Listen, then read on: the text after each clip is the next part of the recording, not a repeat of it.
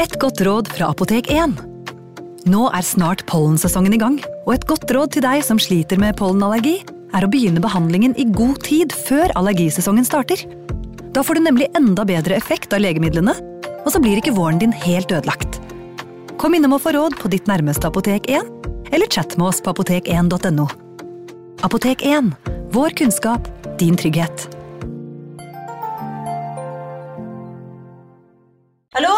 Jeg kommer fra Oslo politikammer.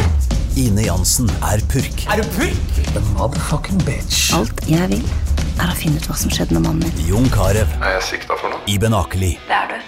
Ole So, Lars Berrum og Big Daddy Karsten. Hvem sin side er du på, egentlig? Anette Hoff, Tone Danielsen, Kommer du fra Afrika? Jørnis Josef, Nesten kløfta. Trond Espen Seim, Det er synd å si det, men det var feil mann som døde. Purk. Premiere tirsdag på TV2 Play.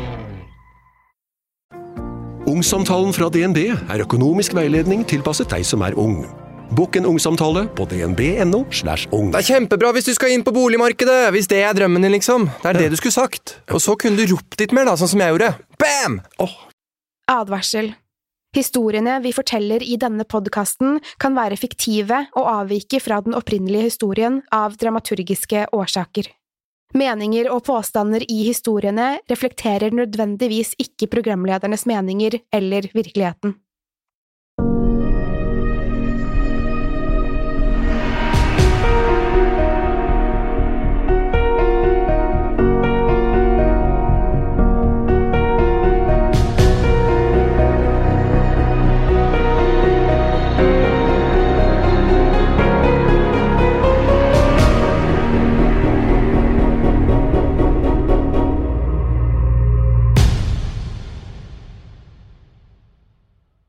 Hallo, Pernille. Hallo, hallo.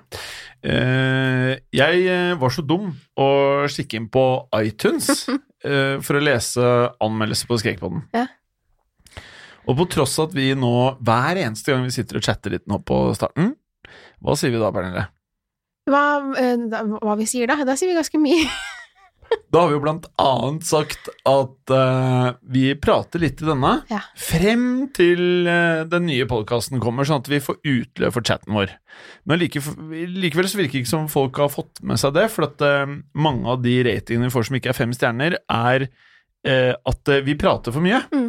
Men da må dere også være bevisste på at dette gjør vi nå, for vi, vi må prate litt. Så blir vi helt gærne. Ja, vi gjør faktisk det. Og det er derfor vi har laget Eller, eller har, laget har vi ikke gjort, men vi, det kommer. nesten laget en ny podkast Ja.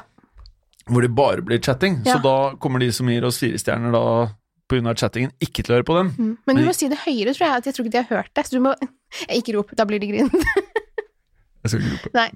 Men det er bare fordi vi ikke får Altså, vi, vi, i og med at vi ikke får lov til å prate, så prater vi enda mer. Mm, Jeg tror det er mm, derfor. Det er sånn mm. trass. Ja. Vi er i trassalderen. Det jeg la merke til i dag, skjønner jeg, Mm. det var at du tok med deg graviditeten inn i studio igjen. Jeg gjorde Ja, faktisk det. Ja. Nå er det nesten Nå er det nesten litt voldsomt. ja, ja. Det virker mer voldsomt enn forrige uke. Ja, det, er, det kjennes mer voldsomt enn forrige uke òg, Ja, det gjør det. Jeg er mer gravid enn jeg var forrige Mm. uke. Og det, sånn er det bare. Du sitter alltid liksom sitter- enten skjevt på stolen, frempå stolen, aldri sånn inntil ryggen. Nei, slapper ikke av i ryggen. Nei. Men det er litt fordi når man har en person inni kroppen som beveger seg, så synes Ja, for det er mennesker. Ja, det, er, det ser i hvert fall sånn ut på ultralyden. Vi vet Ja. jo ikke. Ja, ikke sant? Ja. Det får, vi, det får vi vente og se. Men det er jo litt sånn man får kjeft når man sitter feil, så jeg prøver å Mm. sitte så rart jeg kan. Jeg har ikke et menneske i meg, men det ser ut som jeg har et menneske i meg.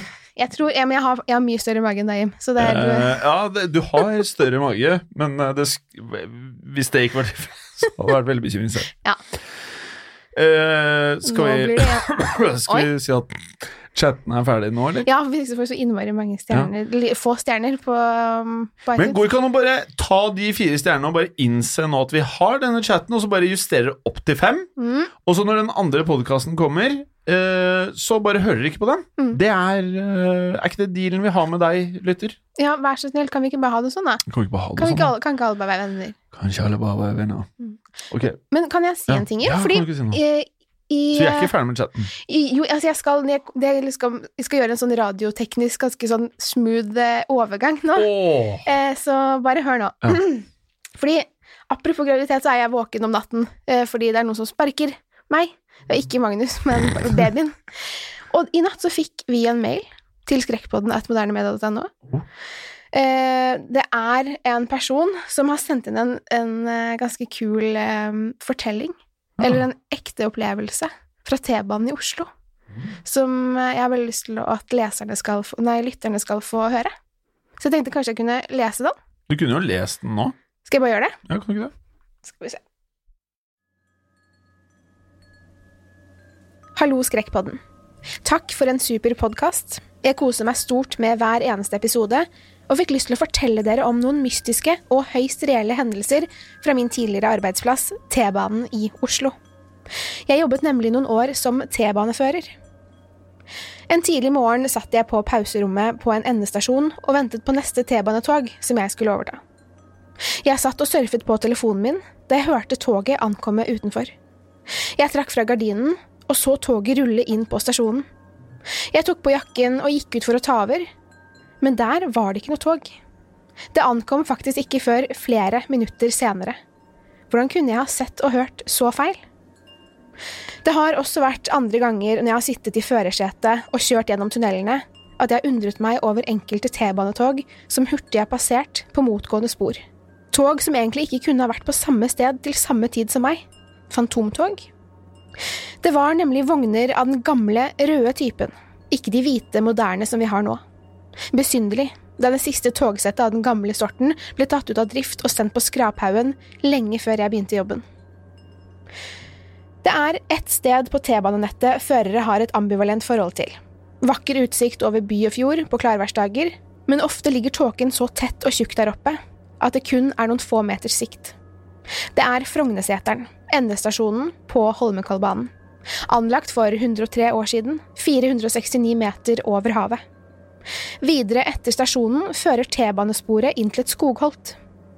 Her må man skifte over til førerhuset i motsatt ende for å kunne kjøre tilbake i retning Oslo sentrum. Etter solnedgang og før soloppgang var det nesten bekmørkt der inne. I enden av dette buttsporet sto et gammelt, falleferdig vognskur, mørkt og dystert. Jeg husker at da jeg pleide å gå gjennom vognene her, pleide jeg å føle et sterkt ubehag. Jeg ble plutselig svimmel og følte meg overvåket og forfulgt til den andre enden. Jeg kunne aldri få kjørt toget fort nok ut fra skogholtet og ut på det opplyste stasjonsområdet hvor de uforklarlige følelsene slapp taket. Men man kunne likevel ikke føle seg trygg. Mange ganger jeg satt og ventet på å kjøre første avgangen derfra mot sentrum, tidlig på morgenen, kunne jeg høre lyder fra bak vognene. Ingen hadde gått om bord enda, og dørene var igjen. Allikevel knaket, trampet og romsterte det baki der. Noen ganger intensiverte det seg så voldsomt at det hørtes ut som en hel skoleklasse hadde gått berserk, og man kjente godt bevegelsene i gulvet. Rent fryktinngytende var det. Så snart det nærmet seg avgangstid, stilnet skrammelet, og jeg endelig kunne kjøre derfra i fred og ro. Jeg var langt fra den eneste til å oppleve dette, og jeg fikk vite at flere kolleger hadde opplevd de merkeligste ting. En hadde, på vei ut fra buttsporet, observert en liten, nisselignende skapning leke seg midt på togskinnene. Flere andre hadde sett en hodeløs person på plattformen. Dette begynte etter sigende for mange år siden, etter at en mann ble funnet død der oppe. Noen hevder at en T-banefører fant han hengt inne i skogholtet. Det var mange førere som vegret seg for å kjøre de seneste avgangene på denne linjen. Flere prøvde å bytte vekk vaktene sine, men til tross for dette var det aldri noen som ønsket å fortelle åpent og ærlig om hvorfor. For noen år siden ble ledelsen i T-banen oppmerksom på misnøyen, ordnet det slik at det ble satt opp lyktestolper langs buttsporet i det mørke skogholtet. De begrunnet det med at det var for å minske risikoen for tagging på T-banevognene. Den egentlige grunnen har det til dags dato aldri blitt snakket høyt om. Med vennlig hilsen Anonym tidligere T-banefører.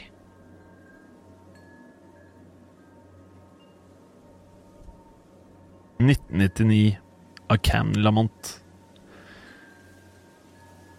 Den setningen tar meg tilbake til overgangen fra barnehagen til skolen. Vi leste opp dagens dato fra tavlen hver dag. Jeg var fem år. Året 1999 var dessverre et forferdelig år. Jeg blir ikke kvitt minnene uansett hvor jeg prøver å glemme dem. 1999 var året jeg mistet min første tann. Jeg reiste med fly for første gang, og altfor tidlig mistet min barnlige glede. Det første viktige minnet som nekter å forsvinne, har å gjøre med den nye TV-en. På den tiden hadde Pokémon nettopp tatt alle skolegårder med storm. Alt var Pokémon. Kort, spill, klistremerker og det største av alt, TV-serien. Derfor satt jeg selvfølgelig klistret til TV-skjermen fra klokken fem hver dag etter skolen. Det eneste problemet var at Pokémon-episodene gikk rett etter hverandre, men pappa skulle alltid se nyhetene klokken halv seks som betydde at jeg alltid gikk glipp av en episode. Dette var uhyre tragisk for meg, og pappa ble etter hvert lei av å høre meg klage om dette. Derfor kjøpte han en ny TV som jeg kunne ha på rommet. Selv om den var ny for oss, var det en gammel TV, med sånne antenner som stakk opp som kaninører. Den hadde bare 20 kanaler, og kanalen Pokémon gikk på, var ikke inkludert. Likevel brydde jeg meg ikke stort, jeg var bare kjempeglad for å ha en egen TV på rommet. Etter å ha surfet gjennom kanalene kom jeg fram til at den eneste det var verdt å se på, var Kanal 2, som hadde barneprogrammer. En stund var det alt jeg så på, så det tok noen måneder før jeg oppdaget Kanal 21. En dag i april surfet jeg meg gjennom kanalene for å se om de sendte Pokémon. Jeg tastet 21 på fjernkontrollen i håp om at det var flere kanaler. Til min overraskelse var det det, og Kanal 21 dukket opp på skjermen. Faren min var også overrasket, men lot meg se på den fordi den visste noen programmer for barn. Kanalen het Caladen Local 21, og jeg fant ut senere at den faktisk sendte fra byen Caladen i Ontario, som er i nærheten av byen jeg vokste opp i. Programmene jeg så på Caladen Local 21, så ut som var laget med et budsjett på 30 kroner og to skolisser. Dårlig produksjon, med andre ord. Jeg klarte aldri å forstå hva som foregikk i dem halvparten av tiden. Da jeg ble eldre og tenkte tilbake på den kanalen, forsto jeg mer og mer hvor merkelig programmene var, og jeg måtte spørre meg selv hva var det jeg egentlig hadde sett på? Følgende er en liste over programmene og episodene jeg husker at jeg så på Caladen Local 21. Det at jeg har så detaljerte minner av dem, er nesten urovekkende nok i seg selv, men jeg regner med at ting som dette setter seg godt i minnet en stund. Kanalen sendte kun mellom fire og ni på ettermiddagen, og hadde derfor bare et par programmer. April 1999 Mr. Bears kjeller, episode 12 Ganske lugubert navn hvis du skulle sett på det i disse dager. Programmet handlet om en bjørn, spilt av en mann ikledd et maskotkostyme, som fikk en ny besøkende til kjelleren sin hver dag. Det var alltid et barn som kom på besøk. Serien ble filmet med et håndholdt kamera som virket å være i elendig kvalitet. Politiet stilte meg veldig mange spørsmål om akkurat denne serien senere. Denne episoden, episode 12, begynte med at Mr. Bear satt ved et bord og spilte dam med seg selv. En stund satt han der og spilte, helt til det banket på døren. Kameraet byttet til å vise trappen opp mot døren, og det banket på igjen. Mr. Bear gikk opp trappen og åpnet. Der sto det to små barn. Det var en gutt på min alder, den andre var en jente som så ut til å være rundt åtte år gammel. Mr. Bear danset av glede, og så begynte han å snakke med barna. Jeg husker at jeg ikke kunne høre så godt hva han sa. Mr. Bear ledet barna ned i kjelleren, som var ganske mørk, kun opplyst av en enslig oljelampe på bordet. Jeg husker ikke noe særlig mer enn det, bortsett fra at han sang en sang jeg ikke hørte så godt heller. Det var sikkert fordi sangen ble dempet av den store bjørnemasken han hadde på. Episoden sluttet med at de lekte gjemsel og jeg husker Mr. Bear telte barna mens de gjemte seg i et skap. Mai 1999 Skje og suppe Jeg tror ikke at dette var en serie, mer som en slags kort filmspesial. Det jeg husker, er at jeg sluttet å se på Caladen Local 21 en stund fordi jeg syntes dette programmet var for dumt. Jeg husker ikke mye av innholdet, men det viste i alle fall en boks med suppe og skje som hang i tråder som svingte dem frem og tilbake som om noen holdt i dem rett over kamera. Dette var også filmet i en kjeller som så akkurat ut som den de brukte i Mr. Bears kjeller. Som jeg fortalte, husker jeg ikke så mye, med unntak av slutten. Den husker jeg godt. Hele episoden varte i omtrent en halvtime, og besto for det meste av ting jeg syntes var dustete, som for eksempel at Skien jagde suppeboksen rundt og skulle spise den. På slutten ble det vist syv barn sittende rundt et bord, hver med en skål suppe foran dem. De satt også rett i kamera, med forvirrende, nesten skremte ansiktsuttrykk. Deretter holdt kameramannen opp suppeboksen foran kamera og sa Har dere skjeene klare? Så stoppet det. Juli 1999. I løpet av sommeren hadde jeg ikke sett på Kanal 21 på en stund, helt til jeg en dag overnattet hos en venn og bestemte meg for å se på kanalen igjen. Vennen min hadde fått en egen TV til seksårsdagen sin, så vi var oppe veldig sent og så på den, i hvert fall i våre hoder. Alt forbi halv ti var så sent at det nesten var rebelsk for oss. Mens vi så på TV, kom jeg på Kanal 21 og fortalte vennen min om den. Vi bestemte oss for å se om det fortsatt gikk noe der, og til vår store overraskelse sendte den fortsatt. Jeg antok at de måtte ha endret sendetidene sine. Vi så episode 23 av Mr. Bears kjeller. Denne var svært underholdende for oss begge, mest fordi den inneholdt banneord. Da jeg så tilbake på den noen år senere, innså jeg imidlertid at det var noe veldig galt med den. Episoden begynte med at kameraet lå på siden og filmet Mr. Bear trampende opp trappen i kjelleren. Deretter gikk kameraet i svart et øyeblikk, før det kom tilbake igjen, denne gangen riktig vei. På skjermen kunne vi se at Mr. Bear sto og snakket med et barn som så ut til å være elleve eller tolv. Han snakket med Mr. Bear en stund, men jeg kunne ikke høre det så godt på grunn av det dårlige kameraet, helt til barnet hevet stemmen. Han snakket om hvor sent det var, og at han og søsteren måtte gå hjem. Vi hørte også flere stemmer i bakgrunnen. Jeg husker tydelig at Mr. B ropte Kom deg ut, du er ikke invitert, med en dyp stemme bak bjørnemasken. Vennen min og jeg så på hverandre. Gutten gikk opp i trappene, og da han var på toppen, snudde han seg og sa han skulle ringe politiet. Idet gutten sa det, løp Mr. Bear mot han, og gutten begynte å hyle og deretter løpe sin vei.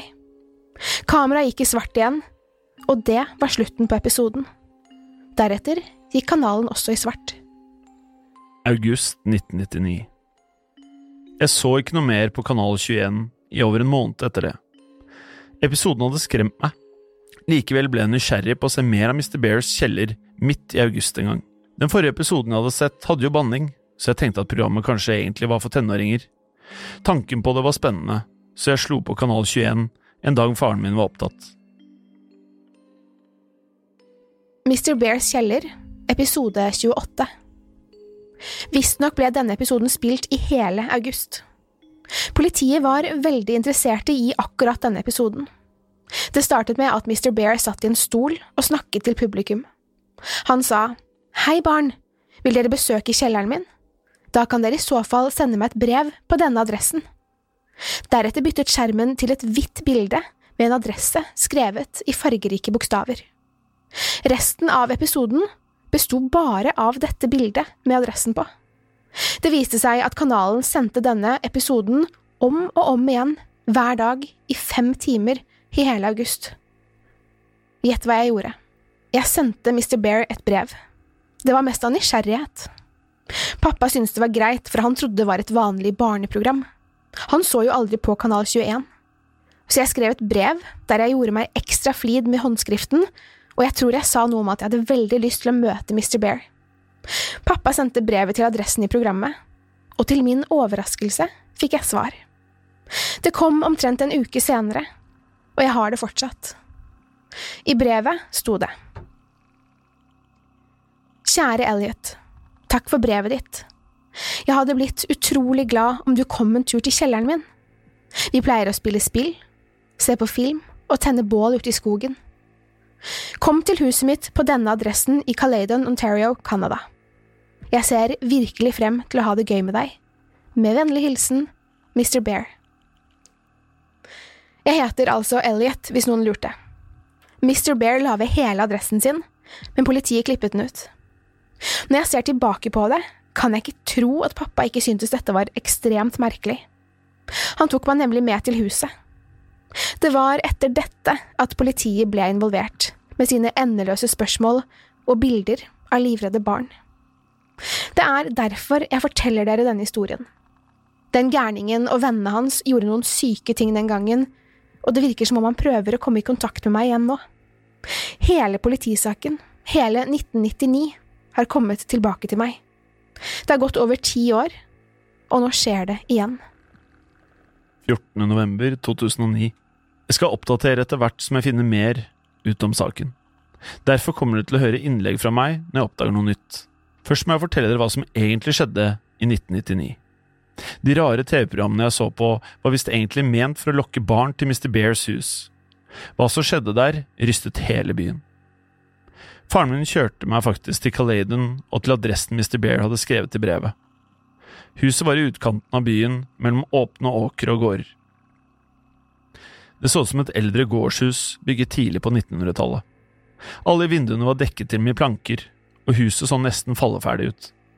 Jeg husker at faren min sjekket adressen igjen og igjen mens vi gikk mot huset. Han så vantro ut. Døren åpnet seg. Jeg forventet å se Mr. Bear, men til min store overraskelse var det en politibetjent som kom ut av den knirkende døråpningen. Jeg spurte raskt om dette var huset til Mr. Bear. Betjentens ansikt fikk et alvorlig uttrykk, og han mumlet Å, herregud. Han begynte å snakke med faren min, lavt så jeg ikke skulle høre det, og faren min ba meg gå og sette meg i bilen. Etter en stund kom han og satte seg i bilen, han også, og vi dro hjem. Faren min var stille hele veien, og jeg fikk følelsen av at noe merkelig hadde skjedd. Lenge nektet faren min å fortelle meg hva som hadde skjedd, og etter hvert glemte jeg hele hendelsen. Kanal 21 viste ingenting lenger, og da jeg spurte faren min om det, lot som han ikke visste noe om det. Det var ikke før jeg ble 13 at jeg fikk vite sannheten. Jeg kom på Kanal 21 en dag og spurte faren min om det, og han mente jeg endelig var klar for sannheten. Caladon Local 21 var en lokal TV-kanal som var i drift fra oktober 1997 til august 1999 i Peel-regionen i Ontario. Alt på kanalen ble laget i det huset i Caladen som jeg besøkte. Folk i byen kjente ikke noe særlig til mannen som bodde der. Kanalen kunne bare plukkes opp av en eldre TV som hadde sånne kaninørede antenner som min hadde hatt. Mannen som bodde i huset, laget alt innholdet på kanalen, og alle programmene var rettet mot barn. Han var både Mr. Bear og den mystiske kameramannen. Den virkelige grunnen til at han drev kanalen, var mye mer forstyrrende enn det man opprinnelig hadde trodd. Som du kanskje har skjønt, så kidnappet han barn og holdt dem innelåst i kjelleren sin. De fleste trodde han var en pedofil overgriper, men egentlig hadde han en helt annen skjebne i tankene for dem. Natten før jeg kom til huset, hadde mannen flyktet, og om morgenen hadde politiet dukket opp. Jeg var nemlig ikke den eneste som hadde sett på Kanal 21. 2. desember 2009. Jeg søkte nylig rundt på nettet for å se om noen andre husket Kanal 21. På et forum fant jeg et par stykker som diskuterte programmene som gikk der, både de jeg hadde sett og to jeg aldri hadde sett. Det ene programmet het Den falne engel og livet, der en fyr satt foran kameraet og bare bablet i vei om hvordan vi må tjene Satan og følge hans vilje før det er for sent. Program nummer to het Mal med sjelen, og besto av bare en kameramann som gikk rundt i skogen om natten og ikke foretok seg noe særlig. Nå er dere sikkert veldig interesserte i å vite hva Mr. Bear egentlig gjorde med barna. Den siste tiden har jeg prøvd å finne ut av alt jeg kan om saken. I oktober fikk jeg høre av en pensjonert politimann hva politiet fant den gangen. Politibetjenten er en venn av faren min. Visstnok tok Mr. Bear barna med ut av huset og inn i skogen i nærheten. Politiet er ikke sikre på nøyaktig hva han gjorde videre, og hvorfor, men de fant 16 forkullede lik, alle mellom 4 og 13 år gamle, i en stor grop i skogen. Vennen til faren min ville ikke si stort mer enn det. Jeg vet fortsatt ikke hva som skjedde med Mr. Bear, altså han som var inne i kostymet. Jeg vet ikke om han er død eller levende. Forhåpentligvis er han død. 14. januar 2010. For noen uker siden fikk jeg svar på et par spørsmål. De kom litt uventet fra faren til en gutt jeg pleide å sitte barnevakt for. Han bor rett i nærheten av der jeg bor. På 90-tallet bodde han nær skogen utenfor Caladen, og han fikk med seg litt av hvert. Anthony Pollo het han. Da han bodde i en liten hytte utenfor Caladen, pleide han ofte å gå en tur inn i skogen for å ta seg en røyk før han gikk tilbake til arbeidet som håndverker. Pollo fortalte at han iblant hørte barnestemmer lenger inne i skogen, og så glødende lys i det fjerne. Dette begynte sent i 1997, litt etter at Caladen Local 21 begynte å sende programmer. Etter hvert ble han irritert av støyen og bestemte seg for å undersøke hva som foregikk. Da han kom dit, så han en gruppe med barn som satt rundt et stort, gnistrende ildsted. Alle barna var mellom fem og tolv år, anslo han. Det var kun én voksen der. Pollo slo av en prat med han og la merke til hvor ustelt mannen var, og at han hadde konstante rykninger. Da Pollo spurte hva mannen gjorde i skogen med en haug med barn, svarte mannen at de var på campingtur. Det var noe de gjorde ofte, sa han. Dessverre syntes ikke Pollo dette var mistenkelig, så han lot det være og ba dem om å dempe støynivået. Han fortalte meg at de aldri dempet seg, og noen ganger hørte han tydelig at barna sang og messet på et ukjent språk. Siden han skulle flytte om ikke så lenge, så brydde han seg ikke nok til å gå og snakke med dem igjen. Jeg sa til Pollo at mannen mest sannsynlig var eieren av Caladen Local 21, men han tvilte på det. Han hadde nemlig hørt av flere at mannen skulle flytte til byen Pickering. På dette tidspunktet visste jeg et par ting. Mannen tok ofte barna med ut i skogen for å campe, som han kalte det. Det store ildstedet Pollo beskrev for meg, kan muligens være gropen som barnas lik ble funnet i. Barna Pollo så, er mest sannsynlig de døde barna politiet fant. Mannen flyttet til en by kalt Pickering, som er en liten by øst for Toronto. Jeg skal diskutere disse funnene med vennen til faren min, den pensjonerte politibetjenten. Kanskje disse opplysningene stemmer overens med ting de fant. Jeg lurer også på om han vet noe mer om de andre programmene som ble sendt på Kanal 21. De jeg ikke så. 10. februar 2010. Gode nyheter. Jeg snakket med vennen til faren min igjen, og han fortalte meg mye spennende. Han heter Mitchell Wilson, forresten. Først spurte jeg om politiet visste noe om mannen som drev Caladen Local 21, og han svarte at de bare hadde hatt noen få ledetråder de siste årene, men aldri siktet noen. Politiet hadde spart noen kassetter de fant i huset, som inneholdt opptak av noen av programmene. Han tok med meg til Davies Road politistasjon, så jeg kunne kikke på noen av dem. Mitchell var ganske hjelpsom, og jeg tror det var fordi han kunne se hvor interessert jeg var i hva som egentlig hadde skjedd i det huset på 90-tallet. Han sa han syntes det var feil at faren min holdt det fra meg såpass lenge. Det var flere kassetter enn de han viste meg på politistasjonen der han pleide å arbeide. Kassettene de fant i huset, var alle spredt rundt på de store politistasjonene i hele regionen. Derfor fikk jeg bare se de opptakene de hadde på den ene stasjonen, men jeg skal fortelle dere om det jeg fikk se. Mal med sjelen, episode 10 Forlatt søppel. Som dere husker, var Mal med sjelen et av programmene jeg så noen snakke om på nettet. Da jeg informerte politiet om dette, fortalte de at det ble laget tolv episoder i serien, og at de ble vist mellom 5. desember 1997 og 8. januar 1998. Som beskrevet på forumet, åpnet denne episoden ganske riktig med en kameramann som vandret rundt i skogen. Det var kveld, rett før solen gikk ned. Kameramannen gikk langs en sti helt til han kom til et område der det lå søppel strødd på bakken. Kameraet fokuserte på all emballasjen, flaskene og boksene og sørget for å filme hver eneste ting i noen sekunder hver. Deretter fokuserte kameraet på hele området, og kameramannen begynte å snakke. Stemmen var lavmælt og hørtes kjent ut, og det føltes som jeg hadde hørt den på et annet program, Caladen Local 21.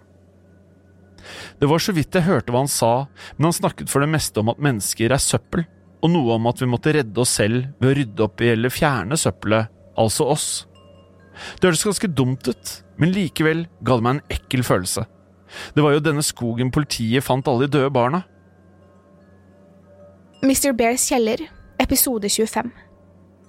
Da politibetjenten på stasjonen tok frem denne til meg, utbrøt jeg å herregud, og Mitchell måtte forklare min historie med Mr. Bear og om brevet jeg fortsatt hadde. Episoden begynte med at Mr. Bear, eller mannen i bjørnekostyme som spilte ham, gikk bort til kjellerdøren med en flaske appelsinjuice i potene. På bakken var det 16 små glass og en liten flaske med en væske som jeg ikke klarte å identifisere. Mr. Bear helte appelsinjuice i glassene før han åpnet den lille flasken og puttet én dråpe av innholdet i hvert glass. Deretter forsvant Mr. Bear ut av bildet og jeg hørte lyder av noe som ble flyttet rundt før han dukket opp igjen. Bak han fulgte 16 barn. Den yngste så ut til å være rundt fire år, mens noen så mer ut som tenåringer. Da barna dukket opp, fortalte betjenten at dette var den eneste episoden som alle 16 ofrene var med i. Alle barna så rolige og noenlunde fornøyde ut, unntatt en som hadde blåmerker i ansiktet. I motsetning til de andre barna så han redd ut. Han så ut til å være rundt tolv år, og jeg kjente han igjen fra en episode jeg så i juli 1999. Det var gutten som hadde sagt at han og søsteren måtte dra hjem, og deretter møtt en ukjent skjebne på slutten av episode 23. Jeg fortalte betjenten om det, og han nikket og bekreftet at det var den samme gutten. Han var visstnok også med i episode 24, en episode som bare ble sendt én gang klokken tre om morgenen i juli 1999. Politiet har fortsatt ikke funnet ett opptak av den, så jeg vet ikke hva som skjer i den. De har bare hørt om den i avhør. I episoden vi så på stasjonen, brøt Mr. Bear ut i sang. Sangen handlet om sitrusfrukter og hvor bra vitamin C er for kroppen. Etter sangen drakk barna jusen sin. Gutten fra episode 23 nølte et øyeblikk, før han drakk. Deretter var episoden ferdig. Etter å ha sett opptakene på politistasjonen ble jeg overbevist om at jeg var nødt til å finne ut hva som egentlig skjedde. Politiet sier det samme hele tiden, at mannen som drev Caladen Local 21 var pedofil og med okkulte tendenser. Jeg tror ikke det er hele historien. Det var noe mer som foregikk der i skogen i 1999, noe som førte til at 16 barn døde. Jeg skal grave dypere, og neste gang dere hører fra meg, skal jeg fortelle dere om hva jeg har funnet. Mannen kan fortsatt være der ute et sted. Fortsettelse følger.